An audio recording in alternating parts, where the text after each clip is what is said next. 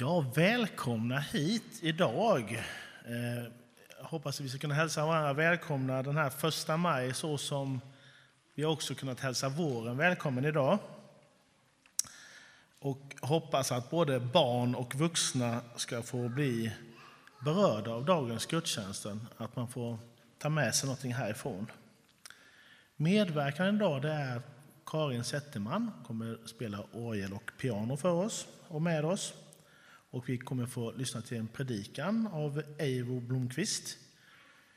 Vi kommer få eh, ta del av en presentation med Lars Sjöstrand som vår pastor Daniel Lundstedt kommer hålla i. Han kommer också då hålla i vår nattvardsfirande.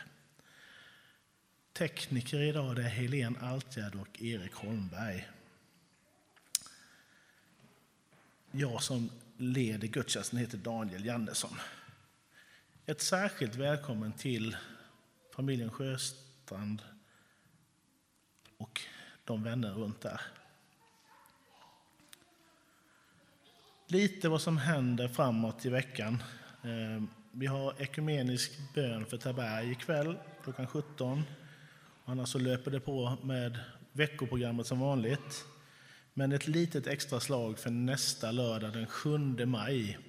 Då har vi frukost för alla och eh, Maria Alriksson kommer hit och föreläser lite utifrån hon är författare, och hon är själavårdare och så vidare.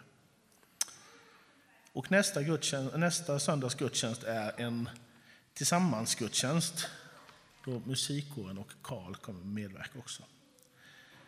Men nu ska vi börja med att sjunga psalm 646 tillsammans.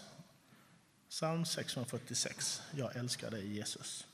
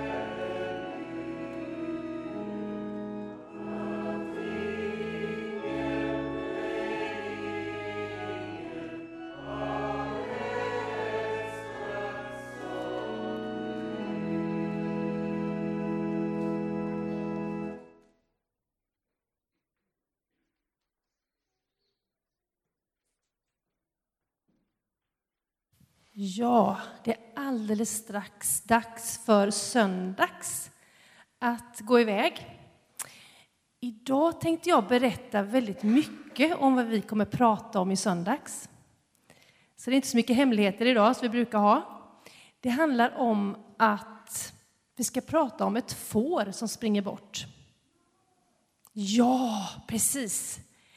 Och Jesus han berättar en liknelse där han beskriver sig själv som den gode heden och att vi människor är fåren.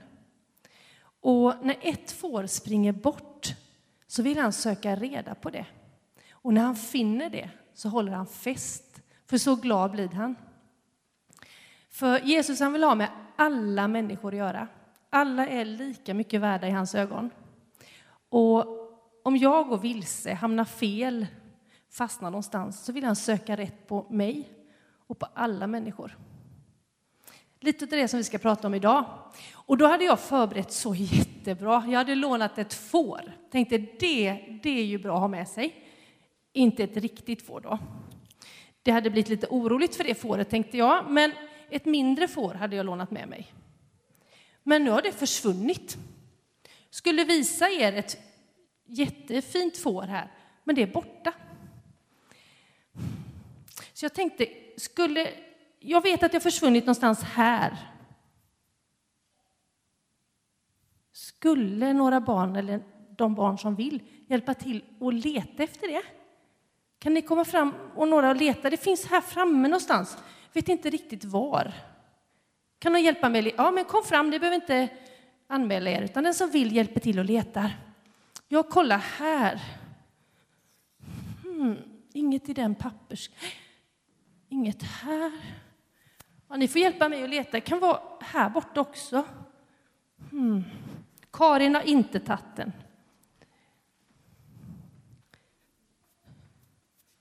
Kan hon kolla där kanske?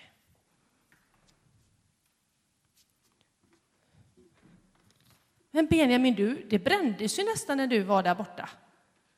Brukar inte man säga så när man letar efter något? Alma, kan du gå här bakom och titta? För jag såg att han sprang åt detta hållet. Kan vi se här? Under den. Kolla under den väskan där. Är det något där under? Där! Vilket busigt får!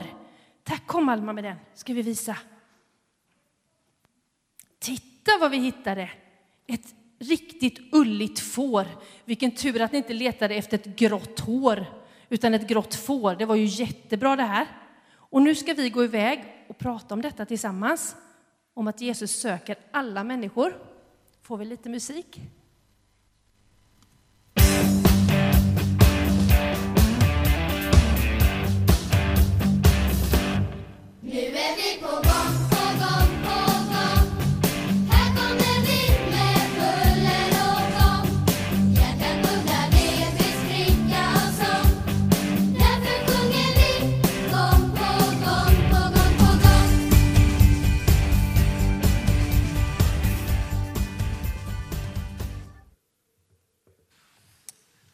Man blir lite sugen på att hänga på dem där nästan varje gång faktiskt.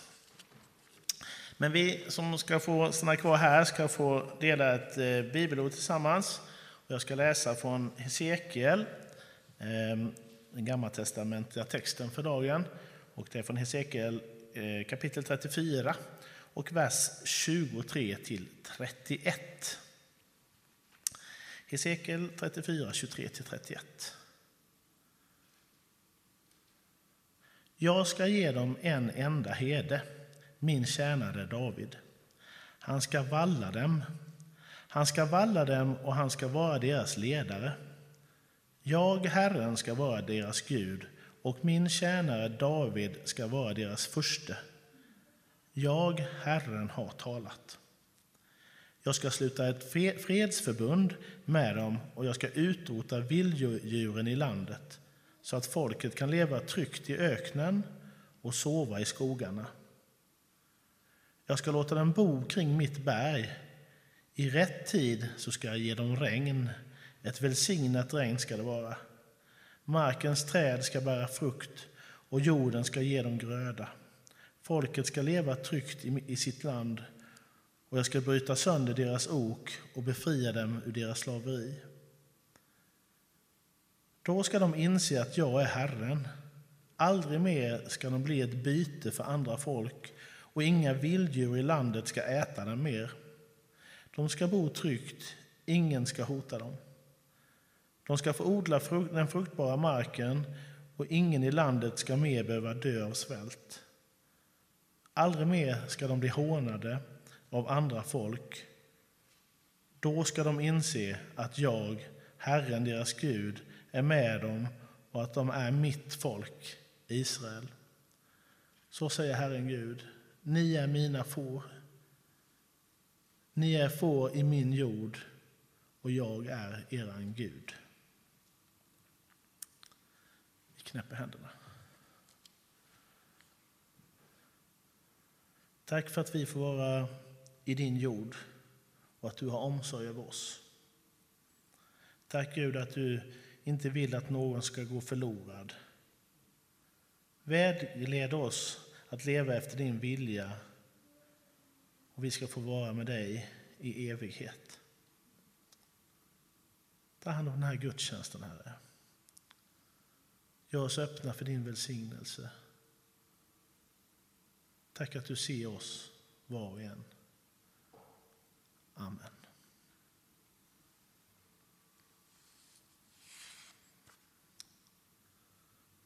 Vi sjunger psalm 782 tillsammans. Inget, intet kan mig skilja från Guds kärlek.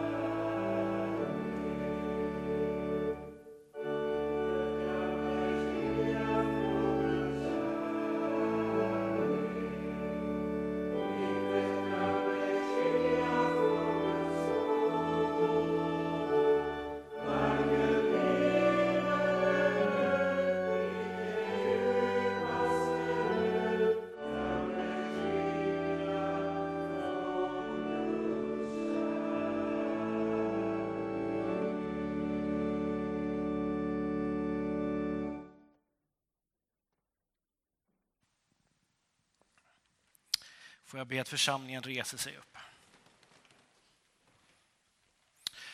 På nattvardsbordet så brinner ett extra ljus. Och det är för att eh, en av församlingens medlemmar har fått bryta upp från det här livet för att vara hos Gud. Lars Sjöstrand som föddes den 15 mars 1960 i Nässjö avled stilla i sitt hem omgiven av sin familj på kvällen den 24 april i en ålder av 62 år. Lars Sjöstrand har varit en del av församlingen under två omgångar. Och den senaste var från den 19 november 2017 då jag fick möjligheten och äran att få välkomna han och Åsa in i familjen här i församlingen. Han levde ett för kort liv. Det kan vi konstatera. Vi hade önskat att det blivit längre. Men han fick möjlighet att beröra människor under den tid han var bland oss.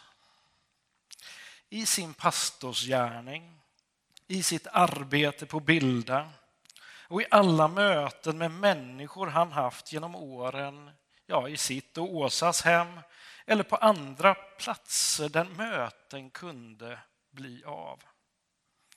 Ja, Lars han öppnade mina ögon för visdiktaren Thomas Boström med sånger och texter som gör att man måste fundera. Och jag minns påsken när han förgyllde den med sin sång och jag fick möjligheten att predika. Det var härligt att få följas åt sådär genom påsken och han med sina visor, eller Thomas visor såklart, som Lars sjöng. Och Lars han hade ett sätt att kunna se lite djupare än vad jag kunde och det var så bra.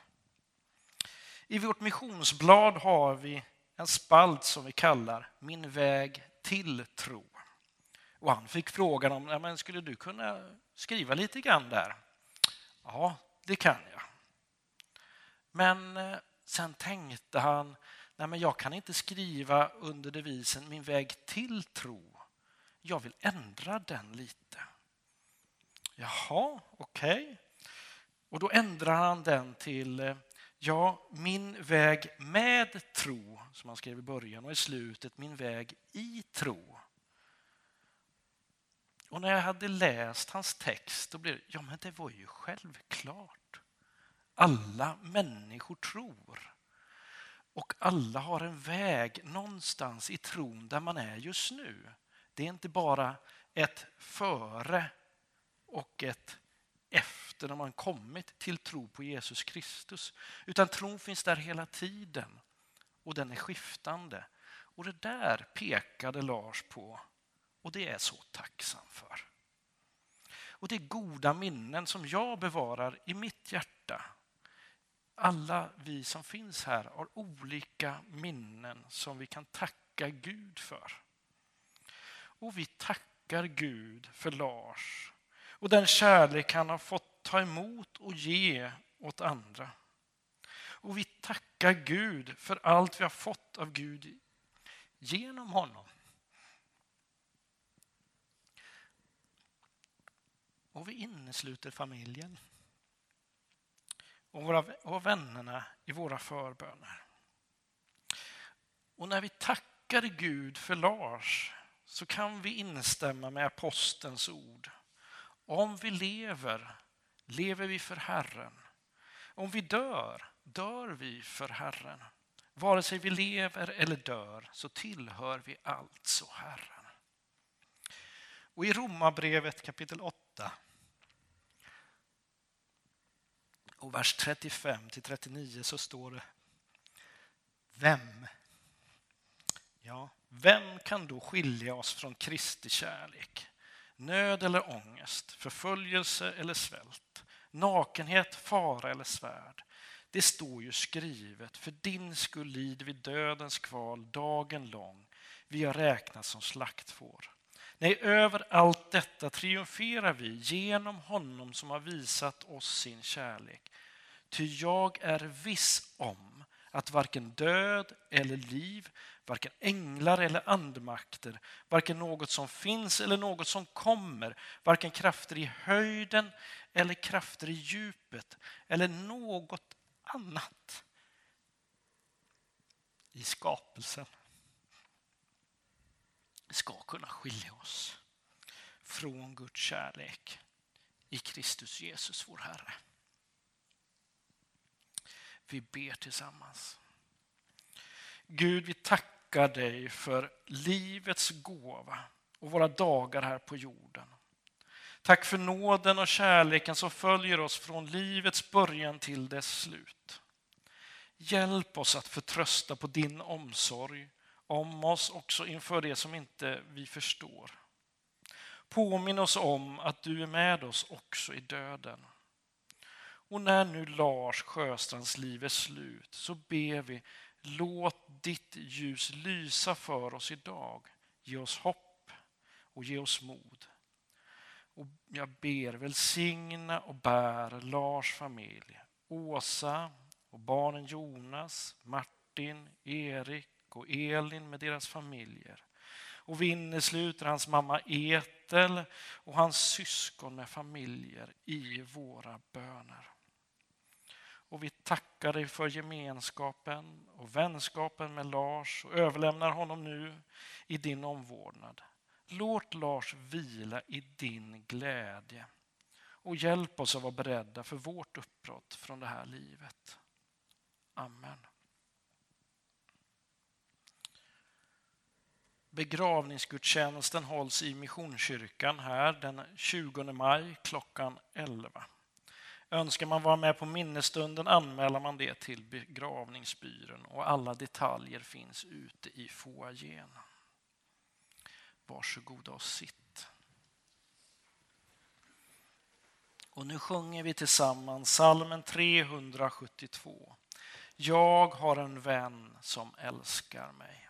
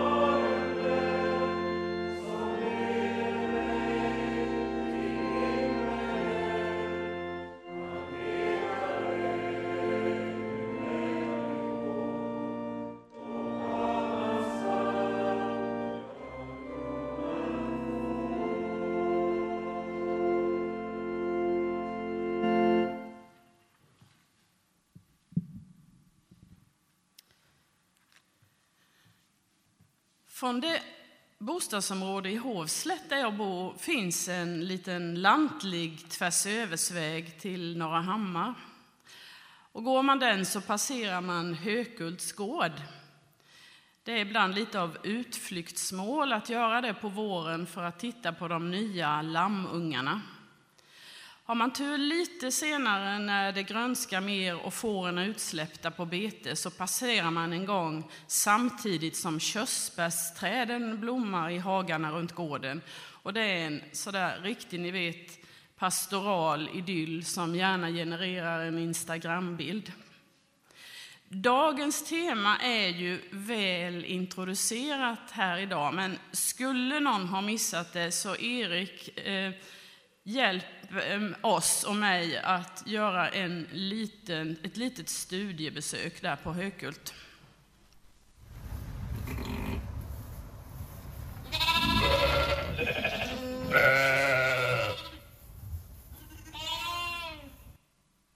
Ja, det var så kort. Tar, tar vi det en gång till, Erik, så, så att vi är med på allvar där.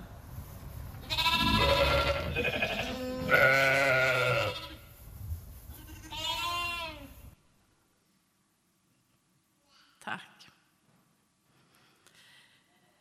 Då ska jag läsa dagens evangelietext från Johannes 10 och med start på vers 11. Jag är den gode heden. Den gode heden ger sitt liv för fåren. Den som är lejd och inte är herde och inte äger fåren, han överger fåren och flyr när han ser vargen komma. Och vargen river dem och skingrar jorden. Han är ju lejd och bryr sig inte om fåren. Jag är den gode heden och jag känner mina får och de känner mig, liksom Fadern känner mig och jag känner Fadern. Och jag ger mitt liv för fåren.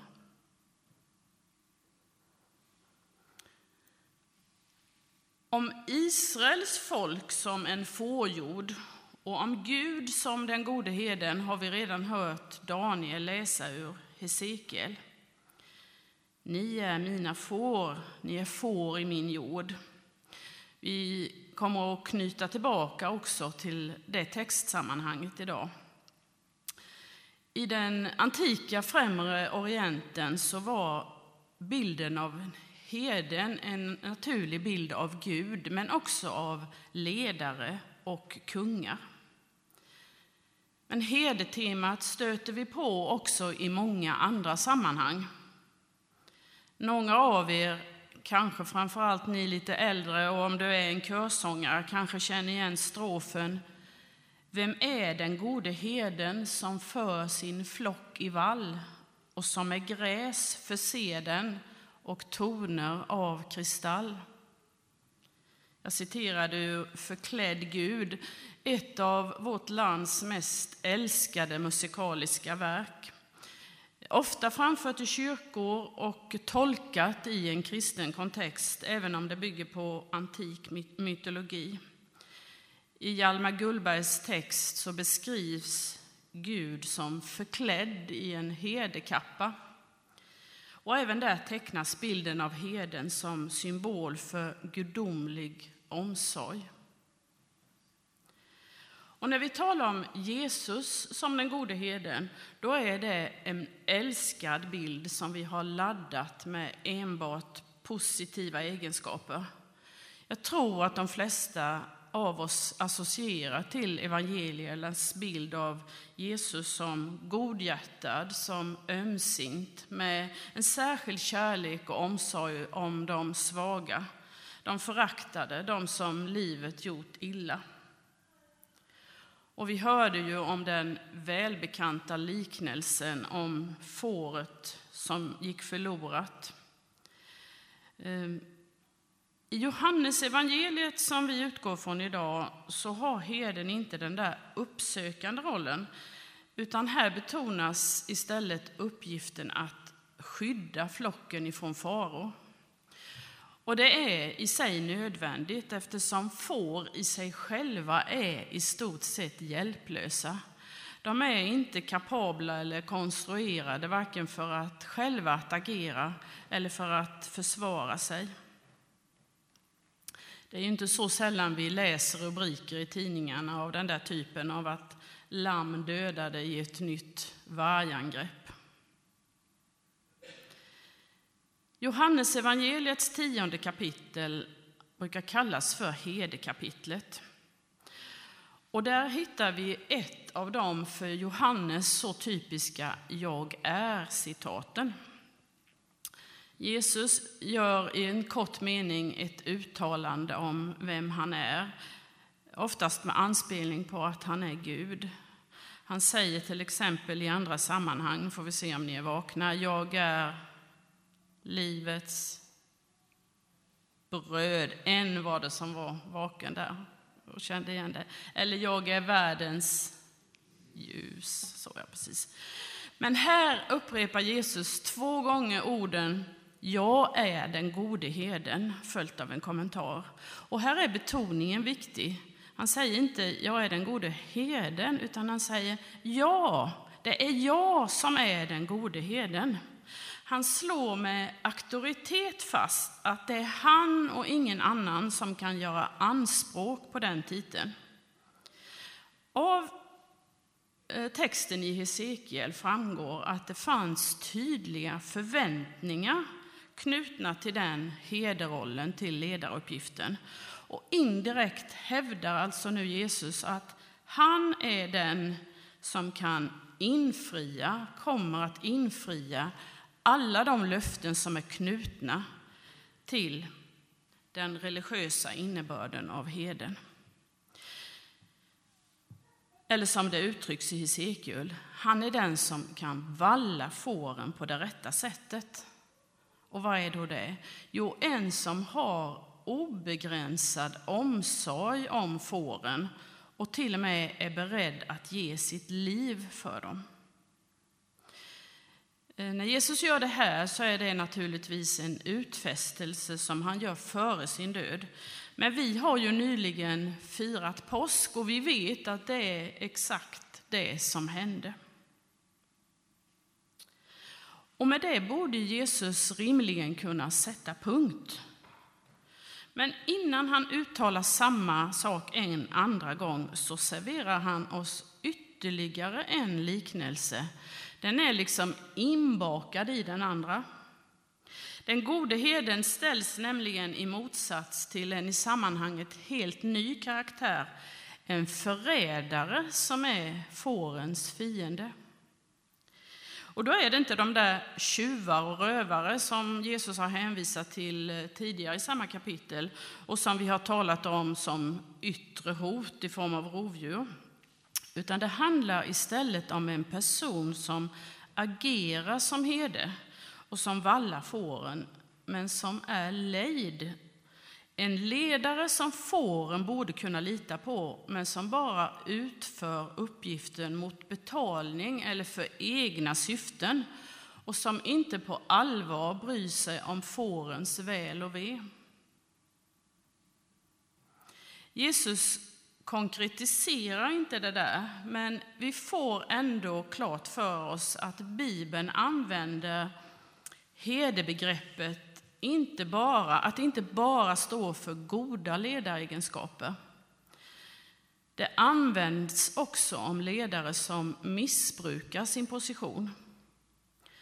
Och än en gång får vi hjälp av Hesekiel.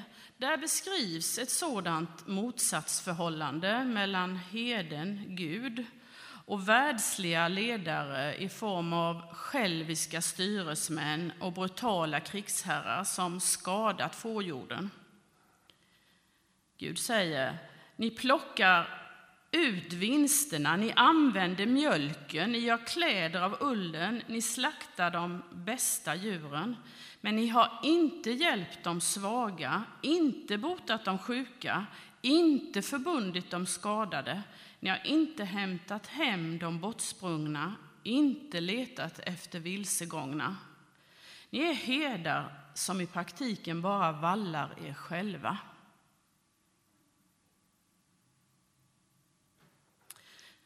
När Jesus talar om falska herdar och, om ett ledarskap som på det sättet kännetecknas av maktbegär, svek och förtryck, då är det inte svårt att hitta historiska exempel. Och för mig har det blivit oundvikligt att överföra den beskrivningen också på det dagsläge vi har idag. Vi är många i min generation och yngre som har fått växa upp och leva under så otroligt gynnsamma förhållanden. I ett land med materiell välfärd, i en demokrati, frihet och fred. Och vi har varken behövt tänka på eller förbereda oss för motsatsen. Den där dödsskuggans dal, den har legat någon helt annanstans, oftast långt borta i en annan världsdel. Nu har den krupit närmare oss rent geografiskt och via nyhetsrapporteringen har den flyttat in i våra hem. Och det där paradisiska freds och fridsförbundet som Hesekiel profeterade om känns mycket långt borta. Låt mig få återkomma till Förklädd Gud som jag citerade i början här. Det är ett musikaliskt verk som från början skrevs för radion som en protest mot krigsutbrottet vid andra världskriget. Ej för de starka i världen, men för de svaga, är de inledande orden. Det uruppfördes i radion 1 april 1940 en knapp vecka då innan Nazityskland inledde invasionen av Danmark och Norge. Under en följd av år kom det att bli både ett verk som människor hämtade tröst och kraft ifrån, men också en protest och ett fördömande av kriget. Nu i vår, sedan krigsutbrottet i Ukraina, har jag hört det både spelas och omtalas och citeras väldigt många gånger i radion på nytt. Kanske för att dess ursprungliga syfte är lika aktuellt i dagsläget. Det är lika angeläget att fördöma ondskan. Och Jesus gör ju just det. Ibland tänker jag att vi kanske tecknar en alltför idyllisk eller slätstruken bild av Jesus. Möjligen är vi påverkade av den, religiö den religiösa konsten där heden Jesus alltid tecknas i pastellfärg, en perfekt herde som med ömhet bär ett gulligt lamm i sin famn eller på sina axlar. Och Jesus är den gode heden som med outsäglig kärlek och omsorg om de sina. Men han är inte mild i bemärkelsen överseende med orättfärdighet. Han är aldrig undfallande i sin kritik av ondskan.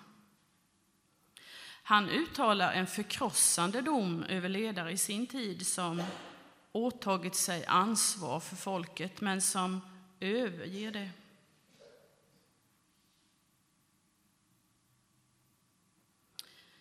Samtidigt så är vi inte färdiga här ännu, det vill säga Jesus är inte färdig i sin beskrivning av den gode herden. Och häpnadsväckande nog så kan vi ana att detta att vara beredd att offra sitt liv bara är ett slags yttre faktum. I själva verket var herdejobbet alltid förenat med risker. Fåren betade ofta långt ute i vildmarken i en otillgänglig natur, hotade av vilddjuren men också av tjuvar och rövare. Herden skulle beskydda fåren med primitiva vapen. Det kunde bli dåligt med både nattsömn och, och mat. Det var farligt. Det ingick så att säga i spelreglerna att även herdens eget liv stod på spel. Och det var så att Jesus var inte heller unik i detta med villigheten att till och med gå i döden för sin sak. Det fanns andra messiaskandidater med en politisk agenda som var beredda på att göra detsamma. Jesus pekar på ytterligare ett kännetecken, ett avgörande kännetecken för vad som är den gode herden. En herde som vallar på det rätta sättet, utan slug beräkning eller för egen vinning. Han hänvisar till relationen mellan herden och fåren. En sann herde känner sina får och fåren känner herden. Inte känner i bemärkelsen veta om eller vara ytligt bekant med, utan en innerlig relation och en ömsesidig gemenskap. En relation präglad av tillit med samma kvaliteter och karaktär som den mellan fadern och sonen. Jag talade i inledningen om få som hjälplösa. Men jag har förstått att de har en egenskap som hjälper dem. De känner igen herdens röst. Herden i bibliska tider kände sin jord därför att han levde med dem dag och natt. Jag läste en intervju med en nutida fåraherde som sa någonting liknande. Han sa att fåren reagerar olika när vi kommer in till dem beroende på rösten, vem det är som kallar på dem. De känner igen oss som ägare. Och just det säger ju också Jesus. Han ropar på sina får med deras namn och för ut dem. Han går före dem och fåren följer honom därför att de känner igen hans röst. En relation som andas trygghet, hopp och tillit. Den bilden, det, det varma sammanhanget, det tror jag vi allihop också känner igen i den älskade 23 herdesalmen. I Herren är min herde så liknas det eviga livet vid ett, just ett tryggt fårahägn eller en betesplats. Inte konstigt att människor har hämtat kraft ur den vid, eh, till tröst som aftonbön vid sjukbäddar eller i skyttegravar. Här hotar inga faror. Här finns vatten, här finns friskt bete. Det där utgör naturligtvis inte en beskrivning av livet. Vi skulle lura både oss själva och varandra om vi förespeglade att en kristen jämfört med andra skulle ha någon slags egen linje, var en slags guldkund med garantier och löften om ett liv utan lidande, utan ångest. Eller för den delen ehm, ett liv med världslig framgång i form av materiella förmåner. Så är det naturligtvis inte. Våra liv består inte bara av gröna ängar. Och det är väl just därför vi behöver heden. I en värld fylld av hot och faror och rövare finns fortfarande Kristus. Han kallar oss vid namn, han bjuder oss att följa honom. Vi har ett hem, en ägare. Att vara igenkänd är ett av våra djupaste mänskliga behov. Någon vet vem jag är, någon vet vad jag heter. Det betyder inte att vi kan stänga ögonen för omgivningen, inte dra oss undan världen med all dess destruktivitet. Det är inget gömställe. Men bilden av Jesus som tryggt bär oss genom livet kan fungera som en inre struktur, en slags livskarta, en kraftkälla. som vi kan tolka livet utifrån. Något som ger ökad motståndskraft när livet utmanar. Som hjälper oss att både ta hand om oss själva i mötet med andra människor och i livets vägval. Den talar om hur Gud tänker om mig. Någon vill mig väl. Kanske har du inom dig redan en sån bild av den där beteshagen. Eller så skulle jag vilja uppmuntra dig att skaffa den. Hedersalmen är ett bra utgångsläge, men livet kan ha gett dig andra sådana bilder. I situationer av oro och ängslan kan du plocka fram den där bilden. Du kan placera dig i tanken där. Det är ett konkret verktyg för att också skapa inre harmoni och lugn. Det yttre, ditt liv och det som är runt omkring dig kanske inte alls eller i väldigt liten grad överensstämmer med den där bilden. Men där kan du hitta din rastplats. Du vet vem det är du ska ta rygg på och vilken röst du ska följa. Heden som går före. Följ honom. Amen.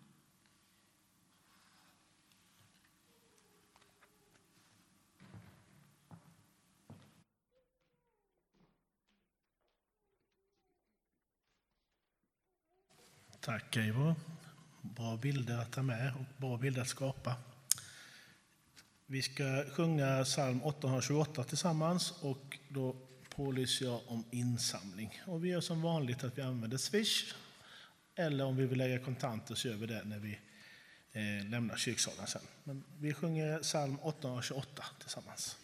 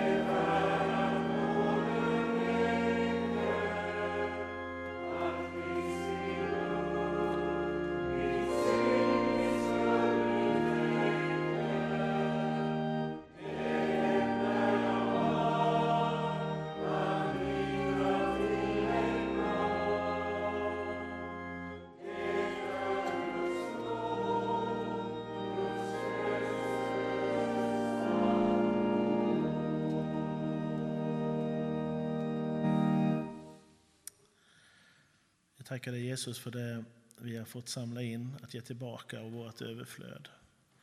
Tack att du välsignar de gåvorna som vi ger i både ekonomiska och i tid och annat, Herre. Tack att vi får lämna det till dig och det ska användas på bästa sätt. Amen. Då ska vi gå in i vår nattvardsdel och vi börjar där med att sjunga psalm 805 tillsammans. Ät mitt bröd och sen så går vi då in i nattvardsdelen.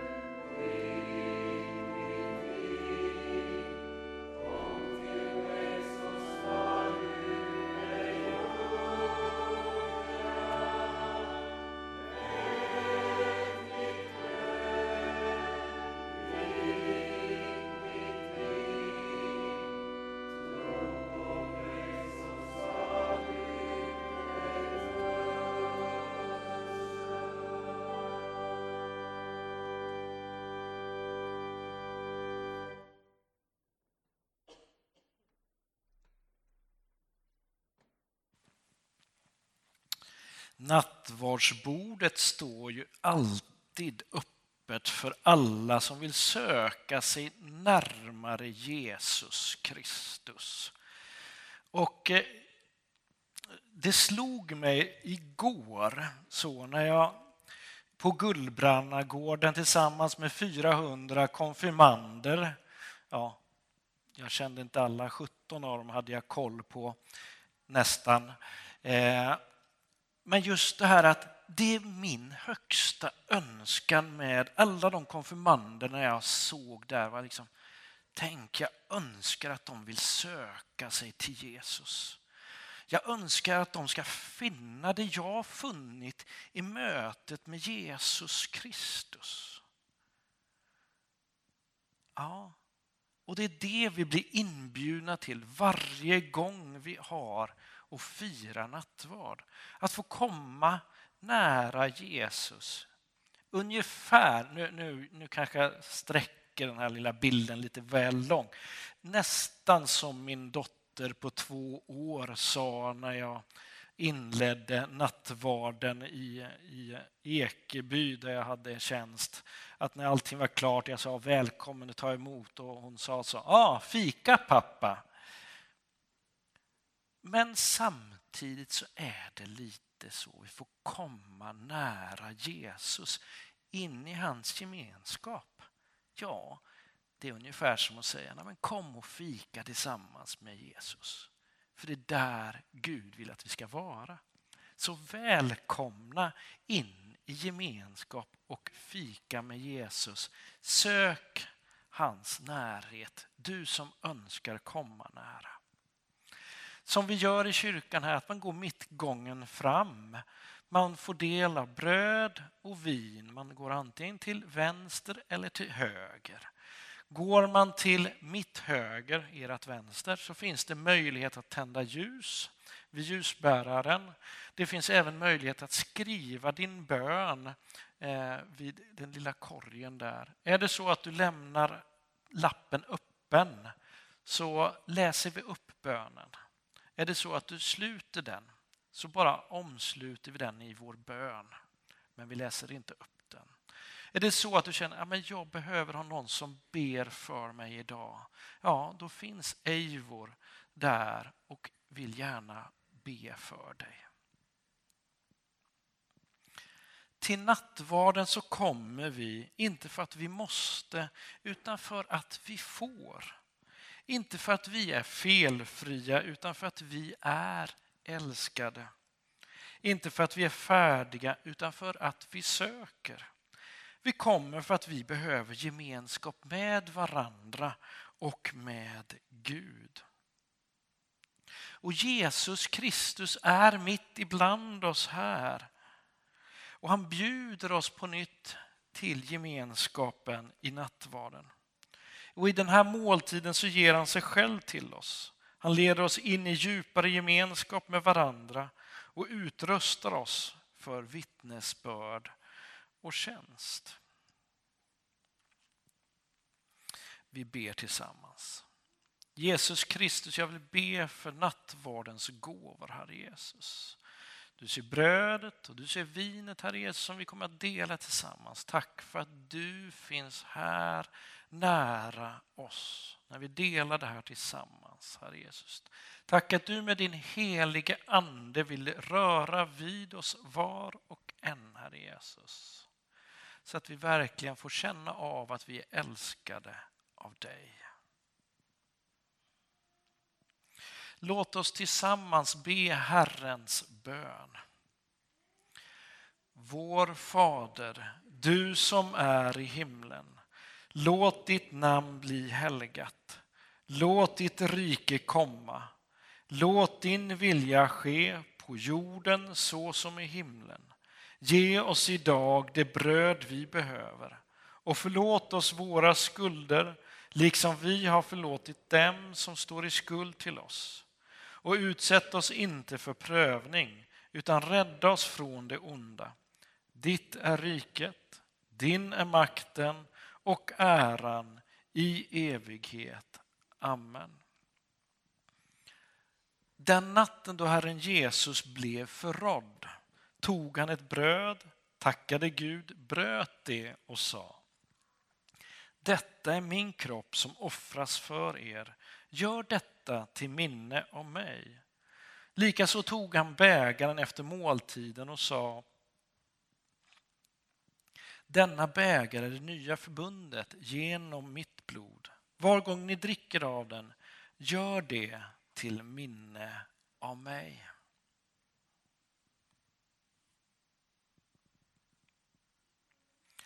Bägaren som vi välsignar ger oss gemenskap med Kristi blod. Brödet som vi bryter ger oss gemenskap med Jesu Kristi kropp. Och alla vi som är här får del av brödet och vinet i gemenskap med varandra och med Jesus Kristus. Välkomna fram och ta del av gåvorna. Och under tiden som vi tar del av gåvorna tillsammans så sjunger vi lite olika sånger tillsammans.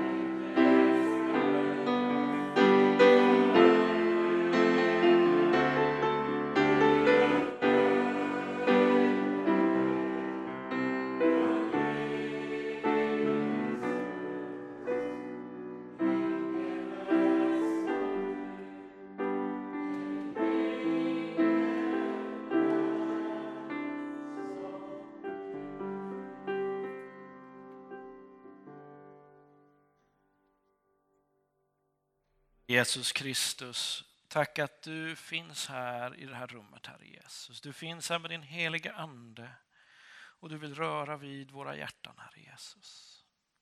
Herre Jesus, du ser de ljus som har tänts i ett rop till dig för olika människors skull, för olika situationers skull, Herre Jesus. Jag ber dig Jesus Kristus att du ska komma och beröra de människor som det här handlar om och du ska beröra situationer det här handlar om Jesus. Jag ber om det Jesus. Herre Jesus, du ser de här skrivna bönerna, Herre Jesus, som är skrivna i ett rop till dig, Herre Jesus. Nu ber dig Gud, du som ser och du som vet precis vad de här lapparna handlar om, Herre Jesus. Jesus Kristus. Kom till dem som det berör, Herre Jesus. Jag ber om det, Jesus. Och så vill jag be Gud för alla konfirmander som är på Guldbranna just nu, Herre Jesus. Du ser dem vi känner, Herre Jesus. Var och en, Herre Jesus. Gud, jag ber att de ska lära känna dig, Herre Jesus. Jag ber Gud att de ska vilja söka sig till dig, Herre Jesus. Tack Jesus att du älskar dem och jag ber Gud att de ska få upptäcka detta. Jag ber om det i Jesu namn. Amen.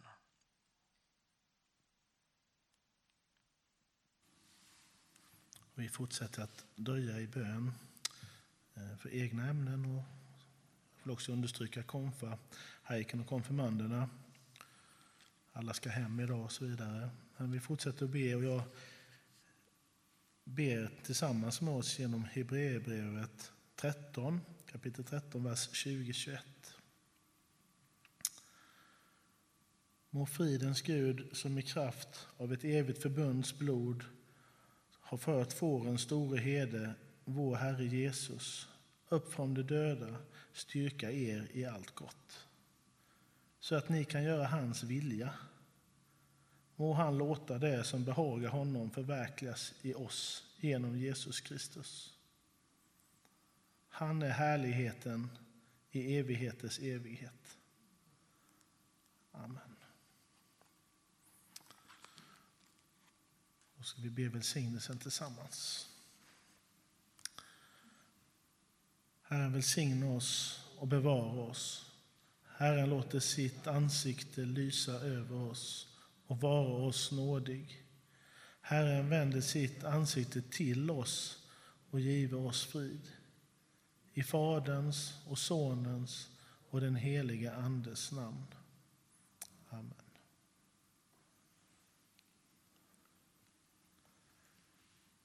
Till slut i gudstjänsten så sjunger vi psalm 837.